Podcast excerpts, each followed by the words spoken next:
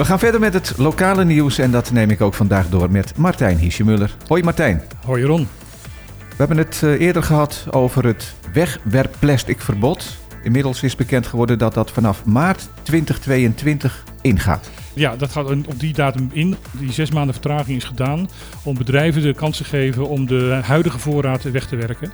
En uh, nieuwe voorraad in te kunnen kopen. Ja, en het wordt ook min of meer gefaseerd ingevoerd. Hè? niet alles tegelijk. Nee, het wordt niet alles tegelijk. In maart wordt de, de plastic draagtassen, de rietjes, de roerstaafjes en het bestek.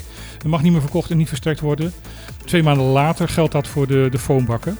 Ja. En daarna komen de andere plastic. Ja, ik zie bijvoorbeeld de plastic cups er nu niet tussen staan, maar die zullen dus in een latere die fase waarschijnlijk worden toegevoegd. ja, ja, zeker. Ook iets waar we het over gehad hebben, gisteren zelfs, Bonlab. Daar was onrust. Bonlab zou gesloten worden. Ja, en het, dat, dat er accreditatie niet in orde was en al dat soort ja, dingen. Ja, precies. Daar had je het over. Daar had ik het over. Ik kom er even op terug, omdat het gisteren nog redelijk gebaseerd was op geruchten. Dat heb ik toen ook gezegd. En er is nu een interview geweest tussen Curvin George en de Antilliaans Dagblad. En daar is, Curvin George is van het ZVK, hè? Dat is de hoofddienstverlening van ZVK. En tegenwoordig heet dat ZJCN. ZJCN, ja, daar heb je, heb je helemaal gelijk in.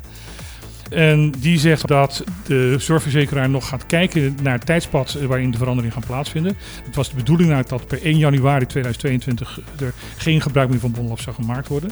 Dus dat wordt enigszins opgeschoven. Plus dat de Raad van Commissarissen van Bonlab zei van jongens, de rapport waarop jullie ons niet meer wil gebruiken, stammen uit 2016 en 2018. Dat is een beetje verouderd.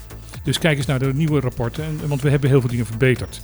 Dus helemaal duidelijk is nog niet. Nieuwe rapporten, kijk eens naar nieuwe rapporten of zorg dat er een nieuw rapport komt. Uh, dat is niet helemaal duidelijk. Of er een nieuwe rapporten liggen, dat kan, okay. ik uit, de, uit de berichtgeving niet uh, ja. halen. Ja. Het is al behoorlijk lang eh, bekend dat dit gebeurt. Alleen de medewerkers zijn er pas net van deze week erachter gekomen. Want de directie heeft dat voor ze verzwegen tot nu toe. Want de intentie is om maar één lab op het eiland te hebben. Nou ja, de dat is de belangrijkste um, uh, overweging van de, van de zorgverzekering. Dat ze eigenlijk geen ruimte vinden voor twee laboratoria. En de zaken efficiënt willen gaan doen en het geld efficiënt willen gebruiken. En dan zeggen we ja, dan werken we liever met één lab. Oké. Okay. Er is een leuk papiamentstalig boekje gepresenteerd. ja. ja, pikant. Papiamento Pica. Een aantal jaren geleden is er door Donald Trump gesuggereerd van... jongens, laten we nou ook eens een keer een, een, een grote lijst maken met, um, met woorden die niet zo heel gangbaar zijn. En ook woorden die een beetje schuin, een beetje pikant en een beetje schunnig zijn. Ja. Dat is opgepakt, maar het heeft negen jaar geduurd voordat ze alle pikante uh, woordjes uh, verzameld hadden. Je, je, kan je heel veel fantasie erop uh, loslaten waardoor dat zo lang heeft geduurd. Maar oké, okay.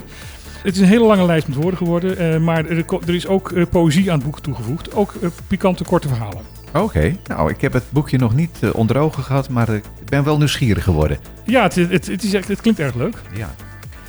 We gaan het hebben over Bolivia. Eh, niet het land Bolivia, maar het gebied Bolivia, de plantation Bolivia. Ja, klopt. Daar zijn, blijkt nu, al vergevorderde plannen voor ontwikkeling.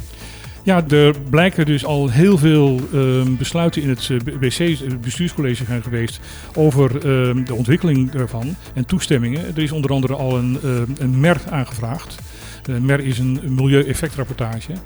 Uh, daarmee moeten ze dus alle omwonenden en interviewen en ook kijken wat heeft de, de, hebben de plannen, de ontwikkelingsplannen, voor effect voor op het milieu. Dat klinkt heel mooi en heel erg deftig. Het stelt mm -hmm. helemaal niks voor. Nee, is het een formaliteit? Het is een formaliteit, want de overheid heeft het recht om de hele rapportage naast zich neer te leggen. Hmm.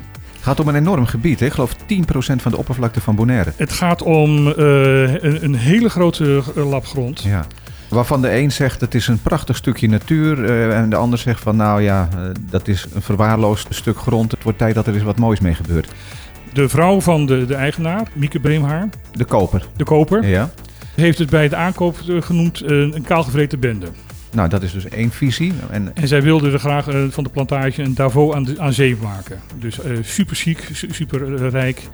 privévliegtuigen op het vliegveld en al dat soort zaken. Hmm. Nou, die plannen zijn alweer losgelaten. Nu zeggen ze dat het natuurherstel en waarde creëren voor, met respect voor de oorsprong wordt. Wat ze ook hebben veranderd is de naam van de plantage. Die heet, dat heet opeens nu Landgoed Bolivia. Waarmee een aantal mensen zeggen: ja, nou dan laat je al zien dat je geen respect hebt voor het verleden. Ja, daar valt wat voor te zeggen, ja.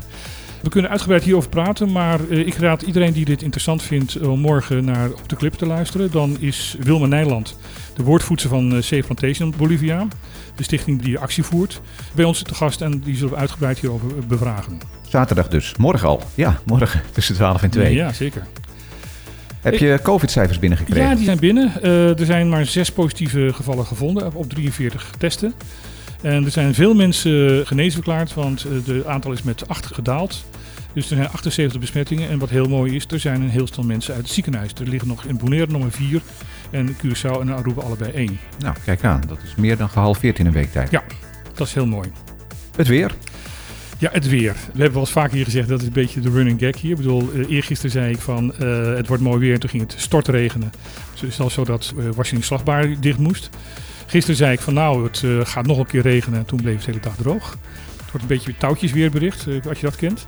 als het touwtje warm is, dan is het zonnig. Als het touwtje wappert, dan, dan, dan, waait het. dan waait het. En als het touwtje weg is, dan is het gestolen. Die laatste wist ik niet.